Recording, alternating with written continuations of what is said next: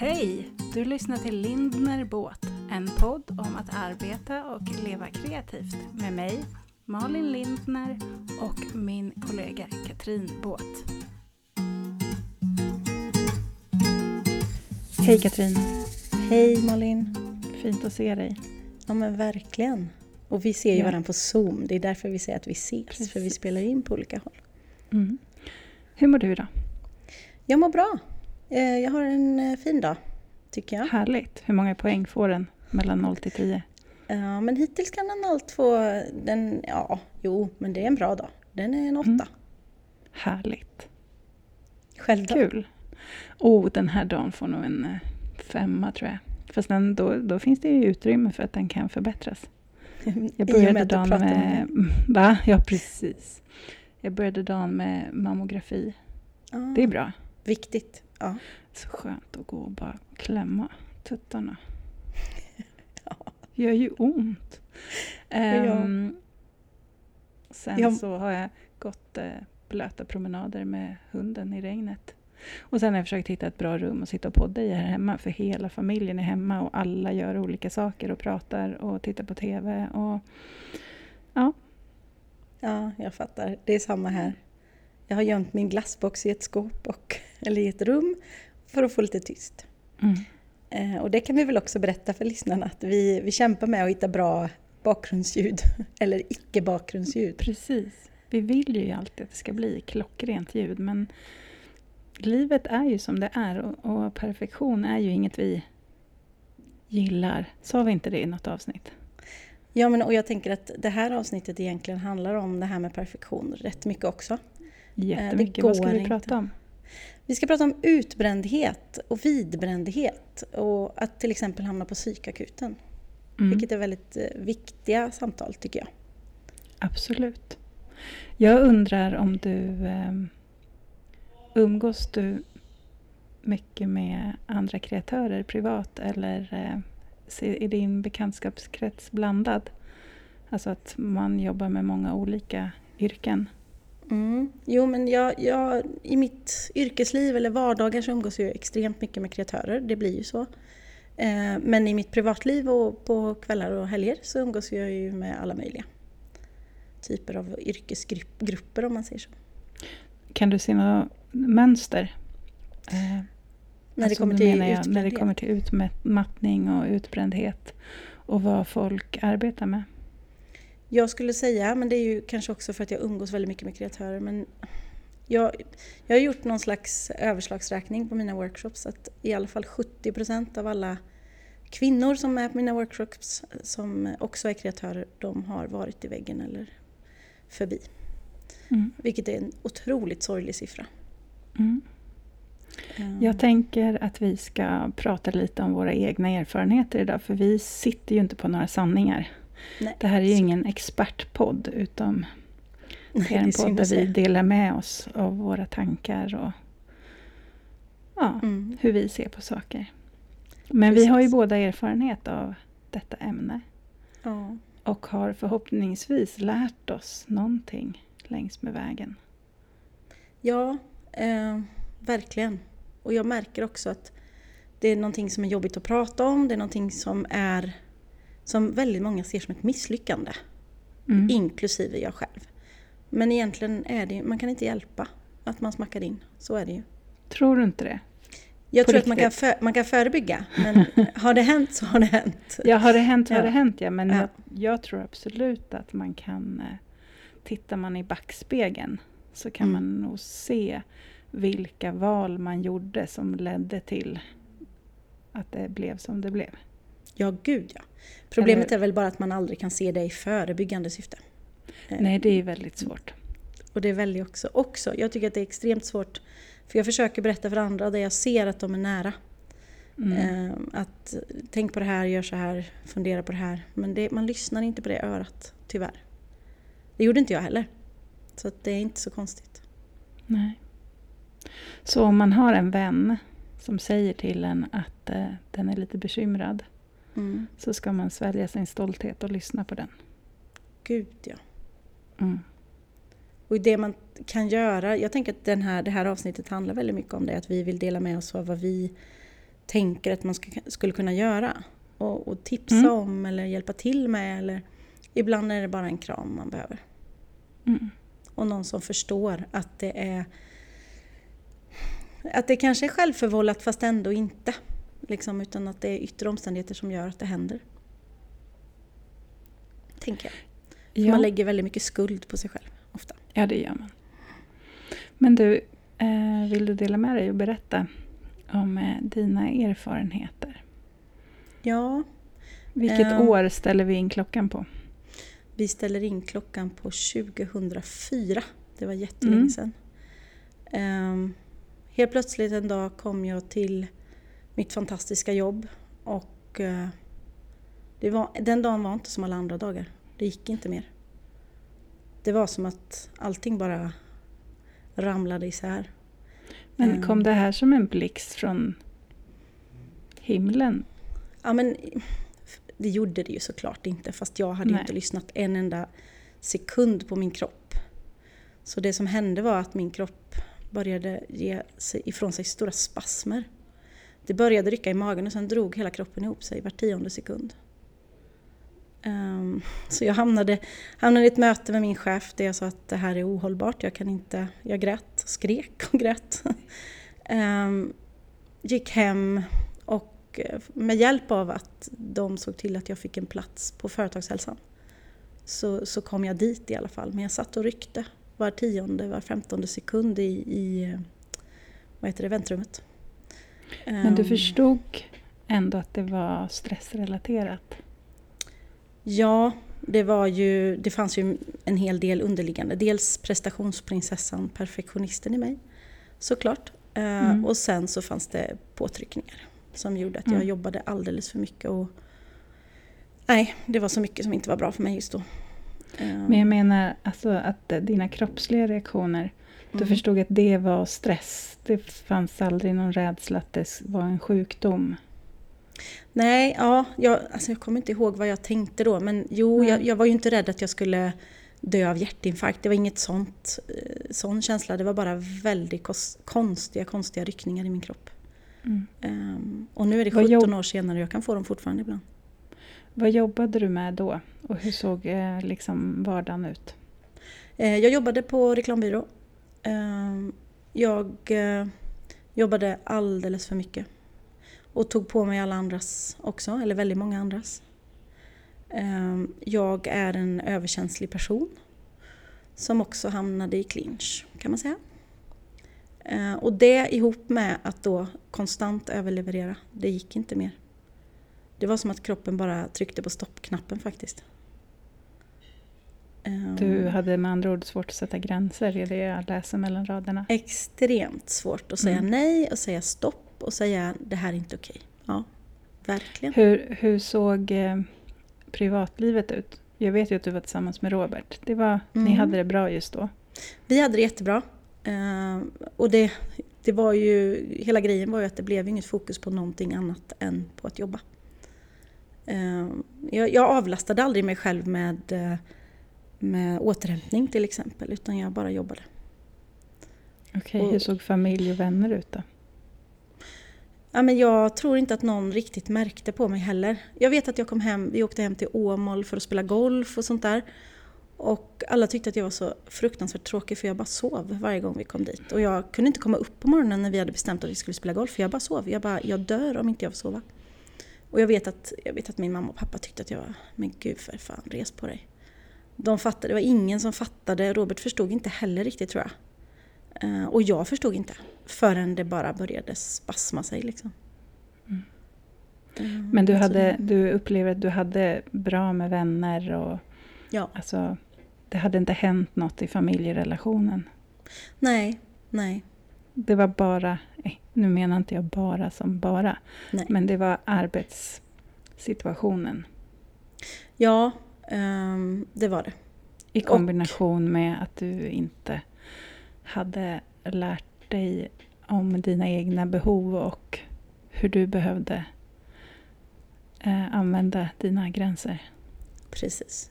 En Mm. eh, prestationsprinsessa från 70-talet som aldrig sa nej till någonting. Mm. Skulle man väl kunna uttrycka det. Eh, I kombination med överkänslighet och eh, för lite återhämtning. Mm. Det är ett eh, bra recept på att må dåligt. Ett väldigt bra recept på att må dåligt. Mm. Det, var ju också, det här var ju också så pass tidigt. Tidigt, det låter som att... Men det är ändå 17 år sedan. Mm. Um, vilket gör att det fanns inte så mycket hjälp att få. Um, jag gick till en läkare, jag fick prata med någon, ja. Men det var, de här symptomen, det, det fanns inte, det var inte så utbrett. Så det, var inte, det tog lång tid innan de förstod att det var en utmattningsdepression, kallade de det för. Mm. Um, och jag blev sjukskriven gång på gång på gång. Uh, I korta tillfällen då eller? Jag kommer inte riktigt ihåg, men typ en månad i taget kanske. Okej. Men jag var sjukskriven i över ett år. Ehm, och om jag ska se tillbaka på vad som var det värsta med den tiden. Jag hade ryckningar och jag var trött. Jag, sov, jag tror jag sov bort ett helt år. Men det värsta av allt för mig som kreatör var att jag var helt okreativ. Det var dött i kroppen på mig. Och Du fick inte tillgång till den delen av hjärnan. Nej, det var som att kroppen sa att du har använt den här delen för mycket nu så nu är det stopp. Liksom. Kände du också att du var deprimerad? Nej, jag var nedstämd men nej, inte deprimerad. Ehm, Du kunde se fram emot saker och det fanns saker att glädjas åt i livet? ja, Mm. absolut. Men däremot så hade jag ju... Jag tyckte att det var ett sånt enormt misslyckande att jag mådde som jag mådde och att jag inte kunde prestera som jag, ehm, som jag gjorde innan och att jag... Hur skulle de någonsin klara sig utan mig? Det är ju helt omöjligt att vara utan mig. ja, men du vet ju hur Mm. man tänker. Det Ja. går ju inte. Den här byrån kommer ju inte sätter gå sig. runt utan mig. Nej, man sätter sig på en piedestal. Ja, och konstigt Ja. nog så gick det alldeles utmärkt utan mig. Ja, det brukar göra det. Ja, verkligen. Och det tycker ju våra egon är lite jobbigt såklart. Ja, och det var ju någonting som under tiden då blev eh, ännu mer jobbigt. Att de klarade sig fint utan mig, Mm. såklart. Hade du, men okej, du fick träffa läkare men du blev inte, du fick inget samtalsstöd, alltså psykolog. Jag gick nog och pratade med någon, men du, jag kommer. Jo, det borde jag ha fått, men jag kommer inte ihåg det Mm. nu. Så bra var det. Nej. Ja. Nej, jag kommer faktiskt inte ihåg det. Jo, det Nej. måste jag ha fått. Mm. Däremot så-. Nej, för jag ville Nej. verkligen inte det. Nej. Jag var väldigt emot det. Eh, också tror jag för att eh, jag var lite sugen på att bli gravid där någonstans, eller vi. Eh, Mm. Så jag ville inte, jag ville undvika det. Mm. Hur, mycket, vill- hur, hur bra koll hade du på de preparaten? Ingen alls. Nej, du Absolut bara visste att det här vill jag inte. Jag vet inte vad det är men jag vill inte. alls. Ja, precis. Jag har Mm. alltid varit väldigt mesig när det gäller medicineringar. Mm. Eh, Jag fattar ju att det kan vara en fantastisk hjälp, fattar jag idag. Men då var jag bara väldigt emot allt sånt. Mm. Ehm, tror jag. Mm. Hur... eh, Ja, men berä, fortsätt berätta hur det liksom... ehm, när du började jobba igen. När jag började jobba igen så kändes allting faktiskt bra igen. Mhm. Ehm, Jag kom ju tillbaka till samma ställe och då blir man ju också sån att man vill eh, tillbaka. Man vill låtsas som att aldrig har hänt och man vill visa ännu mer att man då, nu kommer ni inte klara er utan mig. Eh, Mm. Så var det. Men eh, sen hade jag inga mer sådana såna problem. Eh, Men jag lärde mig ju, jag fick ju träna ett år på att säga nej, nu går jag hem. Nej, det här kan inte jag göra. Jag kan inte göra någon annans jobb också. Eller, ja.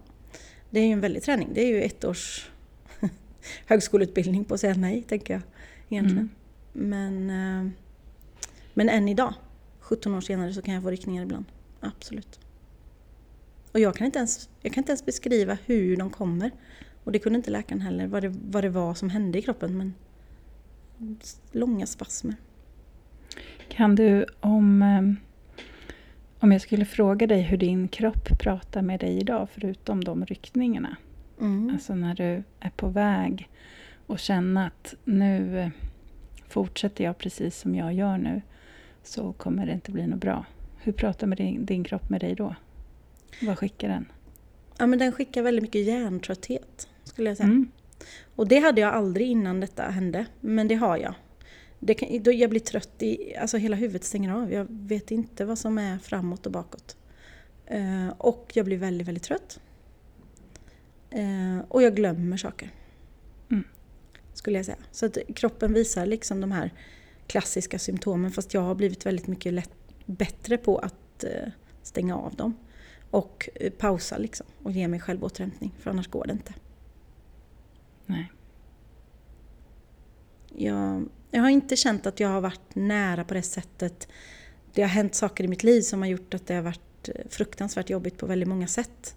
Men det har varit jobbigt på ett helt annat sätt än den här känslan jag kände då. Mm. Eh, kan man säga. Men det handlar om att läsa sig själv och se... Eh, jag, får, jag blir stissig också. Jag skulle säga att jag blir stissig i huvudet. Konst, svårt att beskriva men nästan som sockerdricka i huvudet när det blir för mycket på en gång. Mm. Um, och då gäller det för mig, eller mitt sätt att hantera det eftersom att jag är egenföretagare. Jag kan ju inte bara lägga mig ner och blunda liksom. Skita i allt. Utan det är att sätta mig och planera. Och stryka saker och säga nej till saker. Mm. För att liksom komma tillbaka. På något sätt. Och det här är, jag vet ju att det är många som, som balanserar på den här tunna tråden hela tiden. Det är så. Jag har en teori. Mm. Och jag är ingen forskare, jag är inte psykolog. Jag är bara en helt vanlig människa med erfarenheter och mycket tankar och känslor. Min teori är att eh, man eh, blir utmattad, går in i väggen, alltså kärt barn har många namn, Mm. För att man inte är sann mot sig själv. Ja, förmodligen. Ja. Och det kan ju ta sig uttryck på massa olika sätt. Till exempel att man väljer en utbildning som inte alls lirar med den man är. Eh, eller ett arbete. Eller att eh, man inte står upp för sig själv genom att säga nej. Mm. Alla de där små sakerna. Och sen så tänker jag så att allt det där kan liksom... Man kan få livet att funka genom att inte vara sann mot sig själv. Mm. Men så kanske det kommer eh, eh, in en ny chef eller man får massa nya arbetsuppgifter eller så händer det något i en eh, relation. Det tar slut i ett förhållande, man går igenom en skilsmässa, ett barn blir sjukt, Mm. man förlorar en förälder, you name it. Och så får det bägaren att rinna över. Mm. För jag tror att vi går omkring och lever i en obalans. Utan att, men så tänk, alltså vi, vi tänker så här, men det här funkar, det går. Så himla dåligt, alltså det, det går. Mm. Eller man längtar till fredagen, man längtar till helgen, man längtar till semestern och så hinner man återhämta sig lite. Men sen händer det någonting, ofta utifrån, som gör att det bara inte funkar längre. Mm. Vad tänker du om den teorin? Ja, men jag tänker absolut att det kan vara så. Ehm, och jag tror att man ofta bara kör på och utan att ens reflektera. Att allt går för fort också. Mm. Ehm, och sen så liksom, jag tror att det också kan vara så att när man börjar fundera, att det smackar till då. När du liksom Mm. brom, bromsar kroppen. För att det är ju en klassiker att du blir jättesjuk på julledigheten. Liksom. Det var jag nog i tio år innan Ja. detta hände. Det är ju ett typiskt sätt som kroppen pratar på. Ja. Mm. Absolut. Jag, jag, jag, alltså jag, jag vill ändå stanna lite vid det här hur våra kroppar pratar med oss. Mm. För jag tycker att det är spännande. Det är jättespännande. Så ett sätt eh, kan vara till exempel att vi blir sjuka varje gång vi är lediga. Mm. Eh, det är ju en hint från kroppen. Ja. Återupprepade, alltså att man blir förkyld hela tiden. Mm. om och om igen. Det är också kroppens sätt att hojta lite. Ja. ja, det skulle jag verkligen säga. Oförklarliga smärtor Mm. som hindrar en att göra saker Mm. kan också vara ett sätt.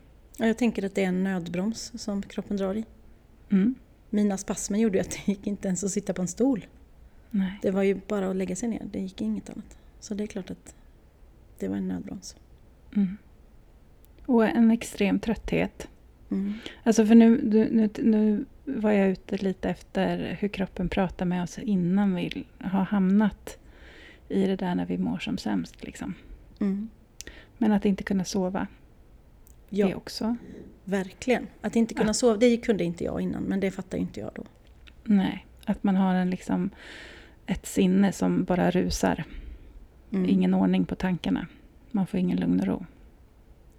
En sak som jag också märker eh, på mig själv när det börjar liksom dra sig åt, åt det hållet, det är att jag blir mer lättirriterad. Eh, Ja, Jag har mycket lättare för att bli ledsen. Eh, Mm.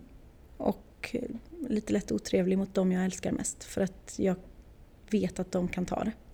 Mm. Vet de det nu? Att när du är lite lättirriterad Det kan och hända att kort de, stubin Det kan hända att förstår de de bara- varför. nej, det kan hända att de bara tror att jag har PMS också. Ja, jo, Tänker jag. Men i övrigt, ja. ja. Jag fattar. Eh, Men jag tror, det tror jag faktiskt att... Jag tror att Robert ser på mig, för han var ju med när allt hände. Han, han ser när det är för mycket liksom och då tar han emot mig när jag faller. Nej men du förstår vad jag menar. Men kan du... ehm, klarar du av att lyssna på honom? Om han säger så här, du, nu tycker jag att det ser ut att vara lite mycket här i din kalender. Plus att du vet, det är jul Mm. snart då. Mm. Lyssnar du på honom då? Eller blir du så här, men vad fan, tala inte om för mig vad jag ska göra. Helt ärligt, det blir jag nog, vad fan, tala inte om för mig vad jag ska göra. Men det är klart att han alltså han kan ju knacka mig på axeln ordentligt och säga, men skärp till dig liksom. Det här det är inte värt det. Ehm, Lyssnar du då? Då lyssnar jag. Men jag skulle ju säga, han lyssnar inte tillbaka. För det har ju hänt att Men jag nu har sett... pratade ju vi om dig. Ja, jag vet. Men det jag menar är att jag har ju sett tendenser på honom ibland. Att, vänta nu, det här att du är så trött, att du är lite lätt irriterad, att du har liksom, att du glömmer saker, inte kommer ihåg ord. Det här vet jag vad det är för något, men då, han lyssnar inte. För att han har inte varit där. Och då lyssnar man inte. Och då säger jag ju såklart, men du lyssnar ju inte för du har ju inte varit där. Du fattar ju Nej. ingenting förrän det är för sent. Men tyvärr så kan ingen förstå det innan det händer. Nej, och har man inte varit där så är det extremt svårt att förstå. Ja. Och jag skulle säga att väldigt få i omvärlden som inte själva varit där eller varit i närheten av någon har en jäkla aning om hur det är att vara där inne. Man är som i en grop. Jag var i en okreativ, trött grop. Avstängd. Jag ville inte träffa någon. Man, blir, man får någon slags social fobi, eller det fick jag. Jag ville inte träffa någon. Jag ville inte prata om hur jag mådde. Jag ville, inte, jag ville bara sova. Var du rädd? Ja, jag var, jag var inte rädd så här för att dö eller så, men jag var väldigt rädd för att min kreativitet inte skulle komma tillbaka. Eftersom att det var hela min... Hela jobb-Katrin är ju kreativitet. Och att Mm. någon bara på en dag klipper av den tråden är ju... Det var jag rädd för. För Mm. vad är jag utan det? Ja. Fortfarande Katrin. Jag vet, men... det hade jag svårt att förlika mig Ja, med. det kan är klart. Men du... En viss eh, livsvisdom kommer ju med åldern också, Ja, känner jag. Att man blir Såklart. klokare för varje år och varje erfarenhet. Och det är jag tacksam för. ja. Mm. Men eh, kan inte du berätta lite hur du... Vad, vad hände med Malin? Eh, min erfarenhet? Ja. Ehm, absolut. Jag funderar på vilken ingång jag ska ha bara. Det väljer du. Ehm, ja, Första ingången, när? ehm, jag är en person som alltid har haft mycket ångest. Mm. Jag vet inte om jag sa det i första avsnittet när vi berättade om oss själva.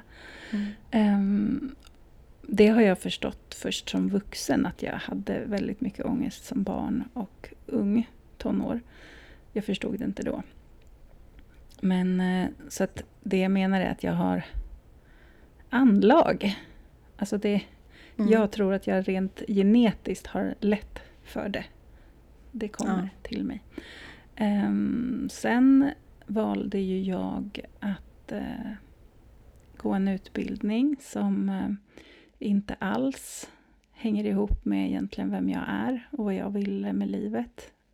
Jag trodde att jag visste vad jag ville då. Uh, men som 20-åring så bestämde jag mig för att läsa till civilekonom. Och då är jag en tjej som älskar att skriva, älskar att måla, älskar musik, älskar känslor, hatar siffror. Mm. Men civilekonom, det är bra. För då kan man tjäna pengar. Och pengar är viktigt.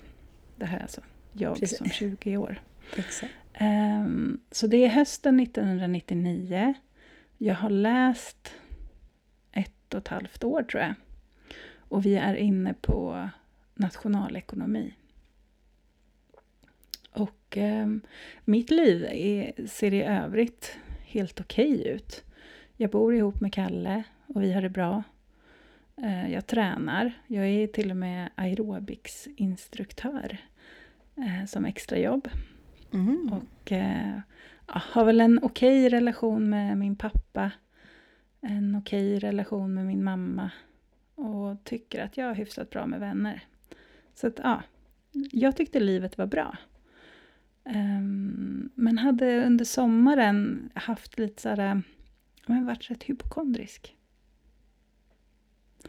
Och så börjar terminen och sen så blir det oktober. Det är mycket liksom. Det är jäkla mycket plugg och jag fattar ingenting. På riktigt ingenting. Räta linjens ekvation säger jag bara. Får du myskänslor? Ja, verkligen. Ja. Eh, och Kalle sitter, för Kalle är naturvetare, han sitter och försöker förklara för mig. Och jag fattar, jag gråter, det går inte. Och sen hamnar jag i eh, en period då jag, men du vet, får hjärtklappningar. Och eh, kroppen är ju på helspänn. Och eh, till slut så vågar inte jag sova, för jag får för mig att mitt hjärta ska sluta slå om jag somnar. Så det går två, tre nätter utan att jag sover. Jag vågar inte säga någonting till Kalle. Utan jag låter honom somna och sen går jag upp och sätter mig och tittar på TV. Och så du vet, somnar jag till och så blir jag livrädd och så vaknar jag.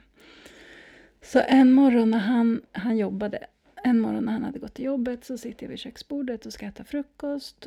Och liksom kände att nej, det här går inte längre. Så jag går till vårdcentralen. Jag är livrädd. Eh, och jag, för jag vet inte jag vet inte vad jag ska säga eller göra. Jag vet bara att det här, det här är farligt. Hela, hela mitt system skriker till mig, det här är jättefarligt. Så jag går till vårdcentralen och får träffa, jag tror inte ens jag får träffa en eh, läkare, utan det är nog bara en sjuksköterska. Och jag säger, det är något fel på mitt hjärta, ni måste kolla. Och hon börjar ju ställa alla de här frågorna, liksom, om hur jag mår och bla bla bla bla bla. Och jag svarar och gråter och sådär. Och så tittar hon på mig och säger så här, du, jag vill att du sätter dig på bussen och åker till psykakuten. Och jag visste faktiskt inte att det fanns ett ställe som hette psykakuten. Eh, och jag, jag förstod inte alls. Jag bara, men jag, alltså hjärtat, jag har problem med hjärtat. Och hon, ja men du vet, försökte vara snäll. Alltså. Försökte hon ringa Kalle så att han skulle ta med mig dit, men vi fick inte tag på honom. Så det slutade med att eh, vi fick tag på min mamma som kom upp och mötte mig och åkte iväg med mig. Eh, och satt i väntrummet på psykakuten på Ulleråker i Uppsala. Det var en ganska speciell upplevelse. Sen kom jag hem därifrån, jättefint bemötande av en psykiatriker där. Men jag kom ju hem därifrån med en eh, stor ask tabletter, alltså medicin. Det som på den tiden hette Prozac och eh, en fruktansvärd ångest. Eh, jag fick också en remiss till att träffa någon och prata. Men när man mår så där dåligt så är man ju inte riktigt eh, mottaglig för att kunna prata. Jo, jag glömde också säga att jag hade eh, hela den där hösten haft eh, tvångstankar. Eh, där jag var övertygad om att det skulle hända Kalle någonting när han cyklade till jobbet. Så varje morgon när han hade kommit fram till jobbet så var han tvungen att ringa mig och säga hej, jag är framme på jobbet. Förklarade du? Förklarade du för Kalle varför han skulle ringa? Nej men jag hade ju ingen aning om bara, alltså jag, jag förstod inte att det var ett stört beteende. Nej men du förklarade du för Kalle att det var så viktigt för, för dig att han ringde och sa att han var framme, liksom att du var rädd för honom? Eller hittade du på någon ja, annan det anledning? gjorde jag. Nej, det Mm. gjorde jag nog. Jag är orolig att det ska hända dig någonting. Du måste ringa när du är framme. Mm. Och han var så här, oh, whatever.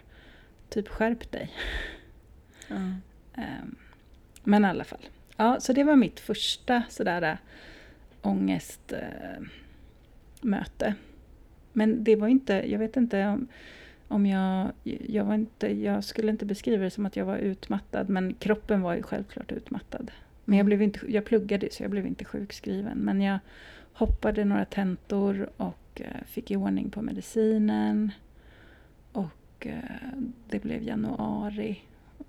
Det här var i, i november. Jag var på psykakuten.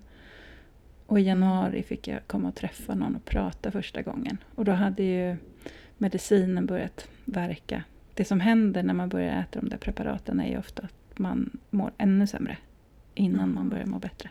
Mm. Vilket är läskigt. Mm. Eh, ja, men sen, och sen tyckte jag väl att, att livet var helt okej. alltså Mm. Efter ett samtal och medicinering. Och då så åt jag bara i tre månader. Och sen så, ja, sen har jag en lång erfarenhet av att börja äta igen och prata igen. Och jag vet Mm. inte riktigt eh, hur jag ska lägga upp fortsättningen av historien. Ställ en fråga så vi får höra din röst igen. Ja, men på, en fråga som jag får fram direkt, så påverkade det din... Nu jobbade ju inte du kreativt då eller så, men du, hade, du är ju en väldigt, en väldigt kreativ person. Eller hur påverkade det din, ditt sinne liksom i, i den delen? Ingenting, för jag trodde inte att det hängde ihop. Jag Nej, fattade inte. mm. Eh, ångesten för mig blev bara något som skulle bort så att jag kunde fortsätta med mitt Och- liv. Och lära dig om saker som är omöjliga att ens lära sig. Precis. Om Men- Om, om jag går in på det här med liksom hur kroppen pratar med oss då, för att jag tycker det här är spännande. Mm. Och det här, jag har inga belägg för det här, men eh, jag tror ju på universum. det gör Så vi ju. bear with me. Um, I alla fall, när jag väljer den här felaktiga utbildningen då, så går jag lite in i väggen, hamnar på psykakuten. Eh, så blir jag färdig och får mitt första jobb som controller. Eh, natten innan jag ska jobba så blir jag fruktansvärt magsjuk. Mhm. Och det var säkert kanske nervositet, trodde jag ju då, tänkte jag. Eh, men eh, nej, jag vet inte, jag tror att det kanske var min kropp som sa att nej du lilla gumman, nu går du fel väg igen. Ja, och så är jag på det jobbet och jag skaffar barn Eh, är mammaledig. Och sen så går jag tillbaka efter mammaledigheten och då kommer ju det här eh, jag ska vara mamma, jag ska vara fru, jag ska jobba, jag ska göra allt perfekt. Så det går ju bara en månad och sen sitter jag hos läkaren igen.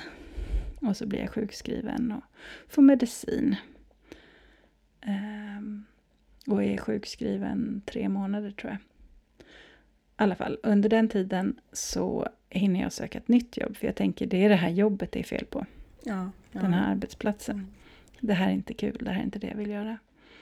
Eh, Så jag får ett nytt jobb i Stockholm, jättekul, är aspepp. Eh, Ska börja på en måndag. På torsdagen veckan innan så ska vi åka upp till fjällen. Så vi håller på att packa bilen. Jag halkar på vår farstukvist och bryter foten. Nej men du ser, fattar du? Ursäkta att jag skrattar men... Nej ja. men förstår du att universum försökte lägga sig i där och jag bara nej, fattar ingenting. Nej. Eh, och det finns massa sådana exempel Ja. ehm, på mitt liv. Men har du blivit bättre på att lyssna på universum nu för tiden? Eh, det, ja, Ja. ehm, det tycker jag absolut att jag har blivit. För nu gör jag ju det som jag vill göra. Det tog mig många år att komma dit. Ehm, för om jag bara eh, snabbspolar fram då till 2012 när jag väljer att eh, starta eget och säga upp mig. så um, började jag ju ändå min, min karriär som egenföretagare med att ta konsultuppdrag inom ekonomi. Mm. Eh, bara för att safea. Så hela det första året jobbade jag ju 80% med ekonomi. Jag har en dag i veckan till att vara kreativ. Mm. Eh, så att jag, alltså på riktigt så var det inte någon så jättestor förändring i livet förutom att eh, ja, jag fick inte lön från en arbetsgivare utan jag fick lön från mig själv. Jag fick fakturera. Mm. Um, men jag kände inte att jag hade egentligen förändrat någonting. Och jag mådde fortfarande rätt dåligt. Mm. Uh, det är ju först när jag har verkligen börjat skala av ekonomin och bara alltså, och lyssna till lyssna till mitt varför. Mm. Och vad vill jag? Och vad mår jag bra av? Vad har jag behov av? Hur vill jag leva mitt liv? Men får du fortfarande stresspåslag eller känningar från det här gamla även nu när du liksom flyter på den vägen du vill? Absolut. Och det tror jag beror på flera olika saker. Dels beror det på att kroppen minns alldeles för väl. Mm. Att den, den är väldigt lätt att och vad brukar jag säga? Jag har väldigt låg tröskel. Mm. Jag får lätt ångestpåslag när det blir för mycket. Och min, min kropp kan eh, väldigt sällan eh, skilja på om det Alltså det kan vara jättemycket roliga saker. Mm. Så sinnet tycker att det här är skitkul, let's mm. go. Eh, men kroppen grejer inte det. Och då har jag ju verkligen tränat på att försöka lära mig att lyssna på kroppen istället för att lyssna på sinnet. Men, och det är en sån där grej som jag tänker att väldigt många tror att, att man inte går in i väggen när något är kul. Utan man går in i väggen när något är jobbigt och tråkigt. Men mm. man kan faktiskt lika gärna gå in i väggen av att ha för mycket av det roliga. Och det händer ju också väldigt ofta. Jag tror att, ja det finns säkert forskning på det, men eh, jag tror att de flesta som går in i väggen eller upp i taket är sådana som älskar det de gör. Mm. Ja. Men att de inte är sanna mot sig själv i bemärkelsen att de, de tar sina egna behov på allvar. Mm. De ger sig inte själva det de behöver. I form av återhämtning, sömn, mat, träning, bra relationer. Mm. Livet är ju så mycket mer än att bara arbeta och tjäna pengar. Ja. Skulle du, eh, nu bara säga så här, om du skulle säga några saker som du har lärt dig att du ska göra för att förebygga, har du några tips? Liksom? Som, eh, som yoga du... och meditera funkar mm. väldigt bra för mig. Um, och det är ju för att man ändrar kemin i kroppen. Um, jag går mycket promenader. Lyssnar på musik som gör mig glad och inspirerad och peppad. Jag tar mycket tid för mig själv. Ehm, jag märker ju i perioder då jag liksom är lite uppvarvad att eh, kaffe inte alls har bra effekt på mig. Att jag får ångest av det. Och det, det där har jag svårt att acceptera. Att jag, att jag i perioder får ångest av kaffe och i andra perioder kan dricka hur mycket kaffe som helst. Det är svårt att acceptera. Ehm, men eh, jag ser ju ett så himla tydligt samband så att jag vet ju att tar jag bort kaffet då så mår jag ju bättre. Ja, men jag förstår precis känslan, för tar man en tre, fyra koppar på förmiddagen så är, då blir jag stissig. Och det är samma, mm. känsla, samma stissighet som jag känner när jag börjar gå åt fel håll. Mm. Faktiskt. Kroppen blandar ju lätt ihop. Alltså om man, om man får den stissigheten av kaffe, men kroppen känner igen stissigheten från en panikattack, då skickar ju den ut varningssignal. Även fast det bara är kaffe du har druckit så tror kroppen att det är fara på taket. Vad gör du? Ja, men för mig handlar det jättemycket om planering. För nu har jag ju då av lång erfarenhet eh, dels varit insmackad i väggen ett år och också hållit på länge och lärt mm. mig vart mina gränser går mer och mer. Det gör, jag, det gör man ju lite för varje år som går. Eh, planering och återhämtning är mina viktigaste. Eh, det pratade vi ju jättemycket om när vi skulle sätta mål också. Men hela den här, men vad händer i höst? Hur mycket till kan jag få in? När mm. måste jag börja säga nej? Um, att säga nej är också väldigt högt på den listan. Uh, och det kan ju vara, det behöver inte bara vara jobbrelaterat. Man kanske inte orkar gå på alla trevligheter man blir bjuden på och då måste man våga säga nej. Att säga ja till sig själv där, för det är ju det man gör.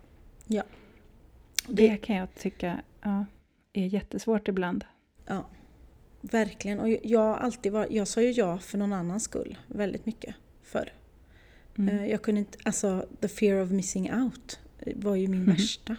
Tänk om det händer saker när jag inte är med. Liksom. Så jag var tvungen att vara med på allt. Jag har ju lärt mig att jag kan till exempel um, inte... Jag kan inte köra ett bröllop på en lördag och sen uh, grilla med vänner på söndagen. Nej. Jag grejer alltså inte ens det. Jag är, uh, jag är inte människa dagen efter och har jobbat 12 timmar. Um, och det är, och det är jag jätteglad över att jag har insett. Mm. För det gjorde inte jag på ett tag. Och förstod inte varför jag på måndag morgonen sen låg och grät och hade sån ångest. Mm. Nej men för man tänker, vadå det är ju en jätterolig grej. Vadå du ska åka mm. till något härligt ställe, plåta som är det roligaste som finns. Mm. Sen ska du bara hem och lägga dig. Hur kan det vara jobbigare än att bara gå till jobbet en vanlig dag liksom? Um, men det är ju den där utsketet päronprocessen som man måste igenom efter någonting intensivt. Och det mm. lär man sig ju. Mm. Uh, men då måste man också inse att det, det måste finnas eh, ja, men jag skulle säga nästan lika mycket återhämtning som det tar eh, det man ska göra. Mm. Uh, eller det dubbla, om det är något riktigt avancerat man gör. Något som jag faktiskt också gör eller som jag tränar på hela tiden, det är att välja mina tankar. Eh, för det är ju så att beroende på hur jag tänker, alltså mina tankar skapar ju mina känslor. Och eh, går jag omkring och tänker negativa, stressande tankar, det här kommer aldrig gå, helvete, shit, oj, oj, oj. Då skapar ju jag ett stresspåslag i min kropp bara genom att tänka ehm, så där försöker jag faktiskt att medvet alltså först och främst börja höra, alltså medvetandegöra, alltså vad tänker jag för tankar? Vad, vad är det som pågår uppe i mitt huvud? Um, för först när jag har gjort det så kan jag ju medvetet börja alltså, sålla bort dem och välja och tänka hmm, undrar hur det här ska gå? Alltså att vara lite nyfiken. För man kan alltid välja. Ja, och man kan också, om man hamnar i det, när man kommer i de här stressiga perioderna, då, då är det som att det blir ju, topplocket har ju gått, man fattar ju, man kan ju inte ens tänka. Eh, och så blir man stissig av att man inte kan tänka. Mm. Men för mig, jag behöver sitta ner och bara, men vänta nu, en sak i taget. Vad behöver jag göra idag? Vad behöver jag göra imorgon? Vad kan jag helt och hållet skita i? och vad mm. kan jag säga nej till? Eh, när man hittar dem, liksom, men vänta nu, vänta nu. Flyg upp lite och se det ur ett helikopterperspektiv. För att jag lägger ju också då in stissiga, stressade tankar om vad andra ska tycka. Ja, men hon har inte gjort det jobbet än. Hon har ju deadline på fredag. Varför har hon inte gjort det? Istället för att bara, men jag gör ju det fram till deadline. Det är mitt problem, ingen annans problem vilken dag jag gör det på. Mm. Liksom att jag, att jag planerar och då försöker jag liksom schemalägga så mycket det går. Så att jag inte behöver tänka, jag behöver inte stressa upp mig själv. Mitt schema bestämmer vad jag ska göra. En timme i taget egentligen. Och då kan det stå, det kan ju också stå där, vila i schemat liksom. Så att man får in det också. För det, ja, jag tror att det är viktigt. Skulle du säga att du också har varit en prestationsprinsessa i all evighet? Liksom? Absolut. Mm. Duktiga flickan är ju jag. Jag fick tidigt höra det redan som barn, att jag var så himla duktig. Så jag trodde nog att det var, det var så man blev omtyckt. Genom att vara duktig. Jag var duktig i skolan, jag var absolut inget A-barn. Jag var bara sådär allmänt duktig och snäll mot alla och trevlig och man lånade anteckningar av mig och ja, men präktig. Jag var absolut in, inte den roliga tjejen. Alltså, jag var inte... Eh, jag, jag, var inte den som killarna blev kär i. Inte för att det har något med prestationsprinsessa att göra. Men, ehm, um, ja, men sen på jobb och sånt där har jag också alltid varit den som aldrig säger nej. Tackar ja till allting. Gud vad kul. Engagerad. Du vet, sitter på en ekonomiavdelning och så säger de på fika-rasten att gud, vi behöver skaffa en ny kaffemaskin. Och jag bara, nej men det skulle jag kunna googla upp. Varför ska det vara jag? Alltså, ja men för då, då blev man ju omtyckt. Gud vad bra hon tar tag i det. Och då blev du också en sån som alltid tog tag i det, så då la alla all, allt annat också ja. på dig. Ja, ja. Men när du ändå håller på, vi behöver också lite nya stolar till fikarummet. Skulle du kunna leta efter det också? Självklart, gud vad kul. Jag gillar ju sånt. Du kan också fixa festen, denna festen. Mm -mm. Allt som ska ätas på festen och nästa fest. Ja, gud ja. Men får jag gissa en sak? Mm. Um, under dina barns uppväxt, har du varit klassmamma typ alla gånger? Alla år? I all evighet? Mm. Faktiskt inte alla år, men ja, många år.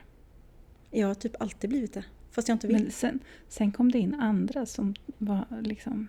Jag, jag hade, började lära känna mig själv så jag backade. Och så kom det in andra prestationsprinsessor som gärna tog över kronan.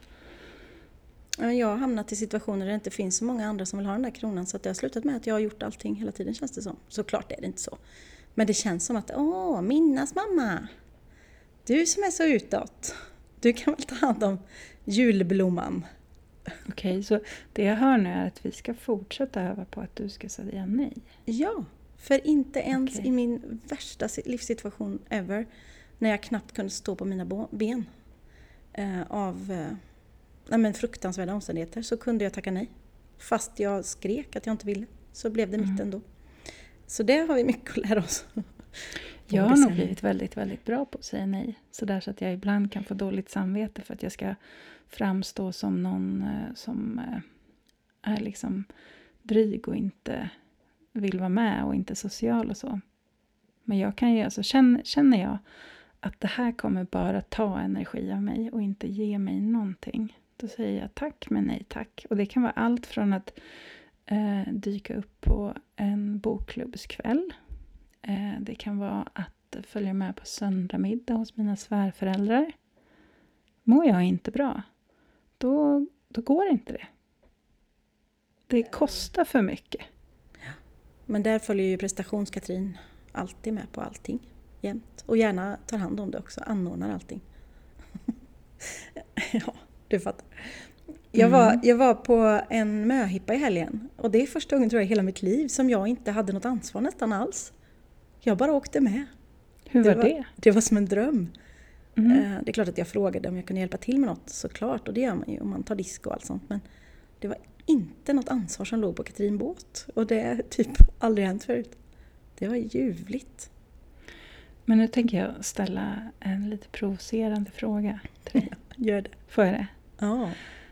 Om du fortfarande har svårt att säga nej mm. och eh, fortfarande har mycket av den här prestationsprinsessan i dig fastän du har gått in i väggen. Mm. Mm, vad är du för förebild för dina döttrar då? Fan ta det in. Aj, aj, aj, aj, aj vad ont det gör.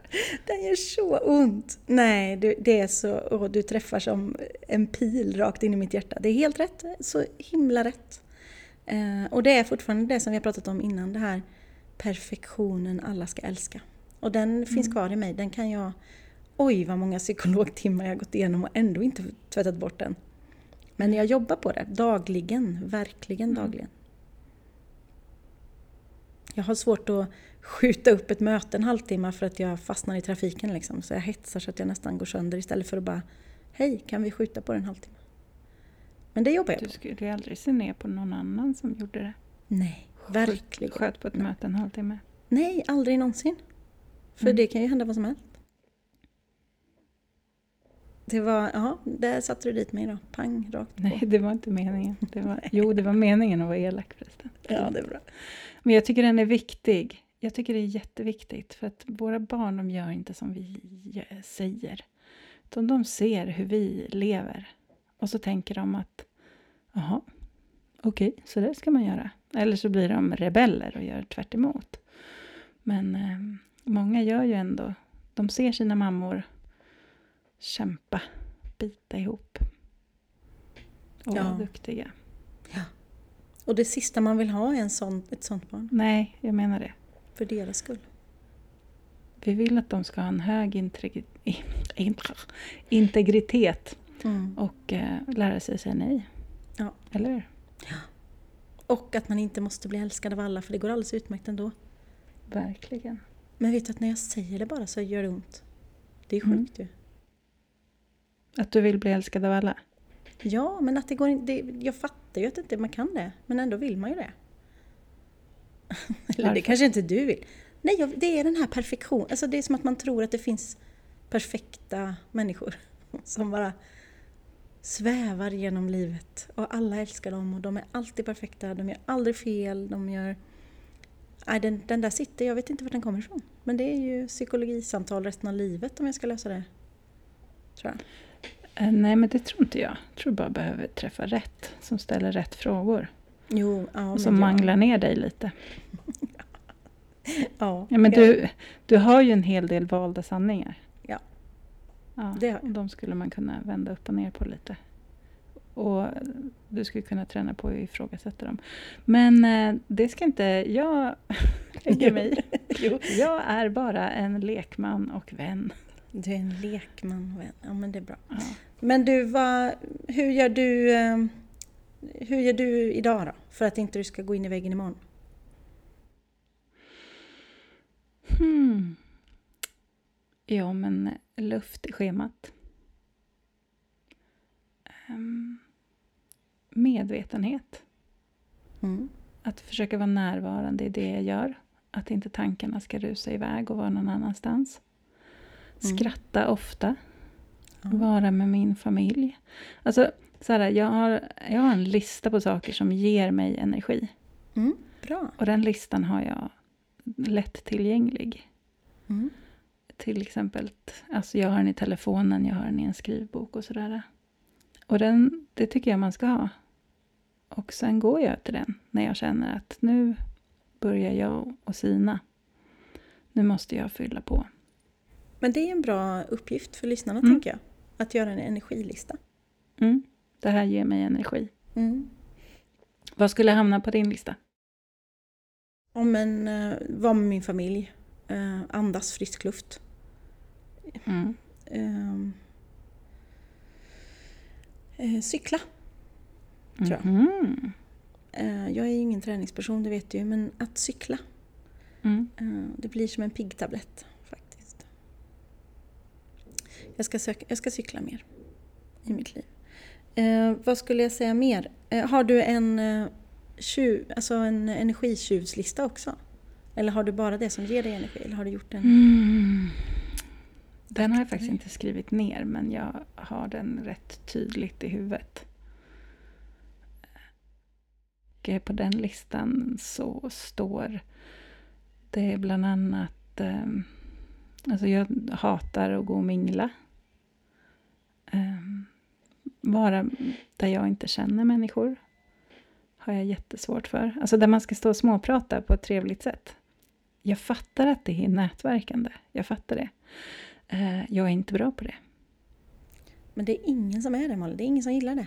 Det är bättre att hitta Jo. andra sätt att göra det på. Nej, väldigt, Jag väldigt, vet att det finns folk som gillar det. väldigt få människor. Som njuter av det. Um, oh men gud nu. Ja, du ser, jag skulle behöva skriva ner saker på den listan också. För att jag säger att jag har en lista i huvudet, men nu kommer jag inte på någonting. Vad står på din? Ja, men det som är intressant med den listan, bara vill jag säga att för om du skriver ner de sakerna så kan du ju också, men vänta nu, den här grejen som jag blev bjuden på nu, det står ju på min energitappslista. Ska Mm. jag verkligen utsätta mig för det just nu, till exempel? Ja, precis. Ehm, ja, jag tror att det är lättare om man skriver ner sina listor och känner sig, men vänta nu, vänta nu, nej, det här var ett nej. Då Mm. behöver man inte ens ta beslutet om nej när man är perfektionist och prestationsprinsessa, utan då står det ju på en lista att du ska säga nej. Mm. Ja, men verkligen. Eh, Och då är det lättare. Såna, när jag har för mycket så kan jag inte gå på sådana mingel eller träffa mycket folkgrejer. Det går inte. För då, får jag, då blir jag stissig bara av att gå in. Det är nästan så jag vill gå och kräkas. Eh, faktiskt, så det går bara inte. Men det har jag ju testat såklart. Och inte sagt nej till utan kört på. Mm. Och då, då lyssnar man inte på sina egna behov. nej, inte alls. Nej. Eh, så Precis som du säger, för mycket kaffe, eh, Eh, dålig, dålig, mat, eh, dålig mathållning är ju också perfekta saker att eh, jobba med om man vill, om det ska gå åt helvete. Ehm, att ta på sig för mycket, att sova dåligt, ehm, att inte vara ute i friska luften. Alltså, det finns mycket sådana som man kan liksom bara samla ihop till en enda stor gå in i väggen-boll. Tänker jag. Eh, Men, då, ja, men lite sådär, man bara kommer ihåg hur var det här sist gången jag gjorde detta? Inte Mm. så bra. Då undviker jag det. Ja, och det är så vi lär oss. Genom erfarenhet och pröva sig fram. Bara man vågar lyssna på sig själv. Så att man inte glömmer bort till nästa gång. En sån sak som att jag inte har öppet så ofta i min ateljé, det beror ju också på det. Att jag inte orkar för många dagar i veckan ta på mig leka affär-facet liksom, om du förstår vad jag menar. Mm. Därför det kräver ju att jag är social hela tiden och jag älskar att vara social. Men ibland vill jag bara vara inne i min egen snäcka. Som en sån här liten eh, vad heter det, krabba. Ehm, och få göra det jag ska göra och sen så kan jag gå ut och säga hej och vara världens trevligaste och härligaste och sen så får jag krypa tillbaka in liksom. Och jag tror att alla har en sån här snäcka fast det gäller att välja när man vill gå ut och in. Absolut. Ja men och det lär man sig ju. Ja. Ska vi försöka oss på att sammanfatta vad vi har pratat om idag? Mm. Tycker jag. Börjar du? Eh, Jag tar med mig att eh, om någon vänlig själ, en partner eller vän uttrycker bekymmer över hur man mår så ska man svälja sin stolthet och lyssna. Och vet man inte vad man ska göra, att man känner att okej, ja, ja, jag erkänner, jag mår inget bra, men jag har ingen aning. Så ta hjälp av den personen. Den kan hjälpa dig att googla vart man ska vända sig. För det, det är också något som jag har lärt mig om mig själv. Att när jag mår som sämst, då orkar inte jag ta tag i att söka hjälp. Nej men och det är ju också en klassiker. Det är klart man inte orkar och man orkar inte hålla på med försäkringskassor och eh, psykolog. Alltså, det är ju, man, man vill ju bara sova. Mm. Men man kan ju be om hjälp då. Och det är ju något Mm. jätteläskigt såklart. Men man måste. Och jag försöker alltid säga det till vänner och så som kommer till mig om de gör det för att de mår dåligt. Att jag vill, alltså det är inget fult att be om hjälp. När någon ber en om hjälp så är ju det bland det finaste man kan få. För då känner man ju verkligen att ja, men jag blir jätterörd om någon ber mig om hjälp. Jag tycker inte att den personen är svag och mesig. Absolut inte, precis tvärtom. Men där tror jag ju att prestationsprinsessorna också har extremt svårt för att be om hjälp. Kanske mer än Ja, andra. verkligen. För man ska ju klara allt själv. Mm. Vad tar du med dig av samtalet idag? Ja, men jag, tar, jag, vill, jag tar med mig att vi är så himla många som har hamnat där. Det är väldigt få som pratar om det, för det är också något slags misslyckande. Eller nej, det är det ju såklart inte, men man tror det. Eh, Jag trodde det jättelänge. Eh, Tills jag förstod att nej, vänta nu, det här var, finns en mening med det här också. Mm. Eh, Jag tar med mig att ser man på sin vän att det är någonting som är på väg åt det hållet så är det också min skyldighet att säga jag ser, säg vad jag kan hjälpa dig med.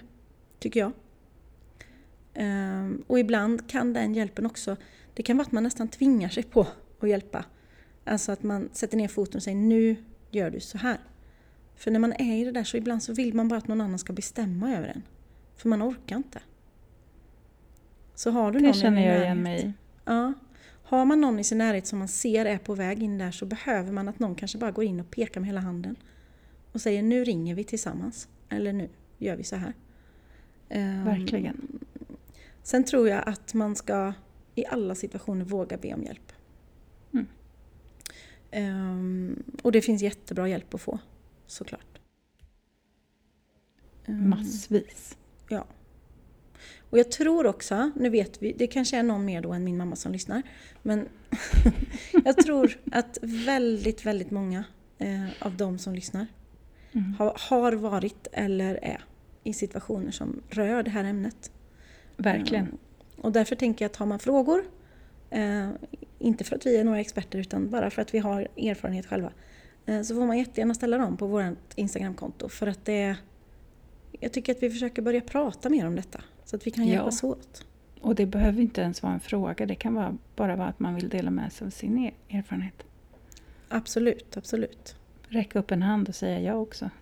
Ja. Men i alla fall. Jag skulle faktiskt vilja ge tre boktips. Mm, bra. När man är nere i, bo, i boken, i gropen, så orkar man ju kanske inte läsa. Men eh, när man, eh, ja, innan man hamnar i gropen, och eller om man har varit i gropen och mår hyfsat bra, så kan man ju kanske läsa. De finns också att lyssna på ju såklart, om man hellre gör det. Och det är faktiskt, det är böcker som har spelat jättestor roll i mitt liv. Och det är en bok som heter Bara en tanke av Dennis Westerberg. Och så är det Att leva ett liv, inte vinna ett krig av Anna Kåver. Och eh, din favorit Nina Åkestam och hennes bok Meningen med hela skiten. Ja, den är Tror jag den fantastisk. Ja, den är Ehm. fantastisk. Jag kan länka till dem i poddbeskrivningen. Ja, och när du tar upp det så måste jag ju ta upp hennes exempel där om att prata med sin 80, 87-åriga jag eller vad det Ja. är. Och, och försöka se tillbaka till vad det var som var viktigt. Det, ja, läs den boken. Mm, den är fantastisk. Ja, verkligen. Mm. Ja, alltså vi skulle ju verkligen kunna prata hur länge som helst om detta ämne. Men vi kanske kan ta en, eh, en fortsättning någon annan gång. Det tycker jag. För Verkligen. vad ska vi prata om nästa vecka? Nästa vecka har vi tänkt att vi ska prata om förebilder. Mm? Eh, både kanske vilka våra förebilder är eller kan man ibland tänka att jag själv kanske är en förebild för mina barn eller för andra. Och hur kan jag, hur kan jag hantera det eller jobba med det? Kul! Det blir kul. Ja. Då avrundar vi eller? Det gör vi. Vi Ja. eh, syns nästa vecka Malin. Det gör vi. Ta hand om dig. Detsamma. Hej då! Hej!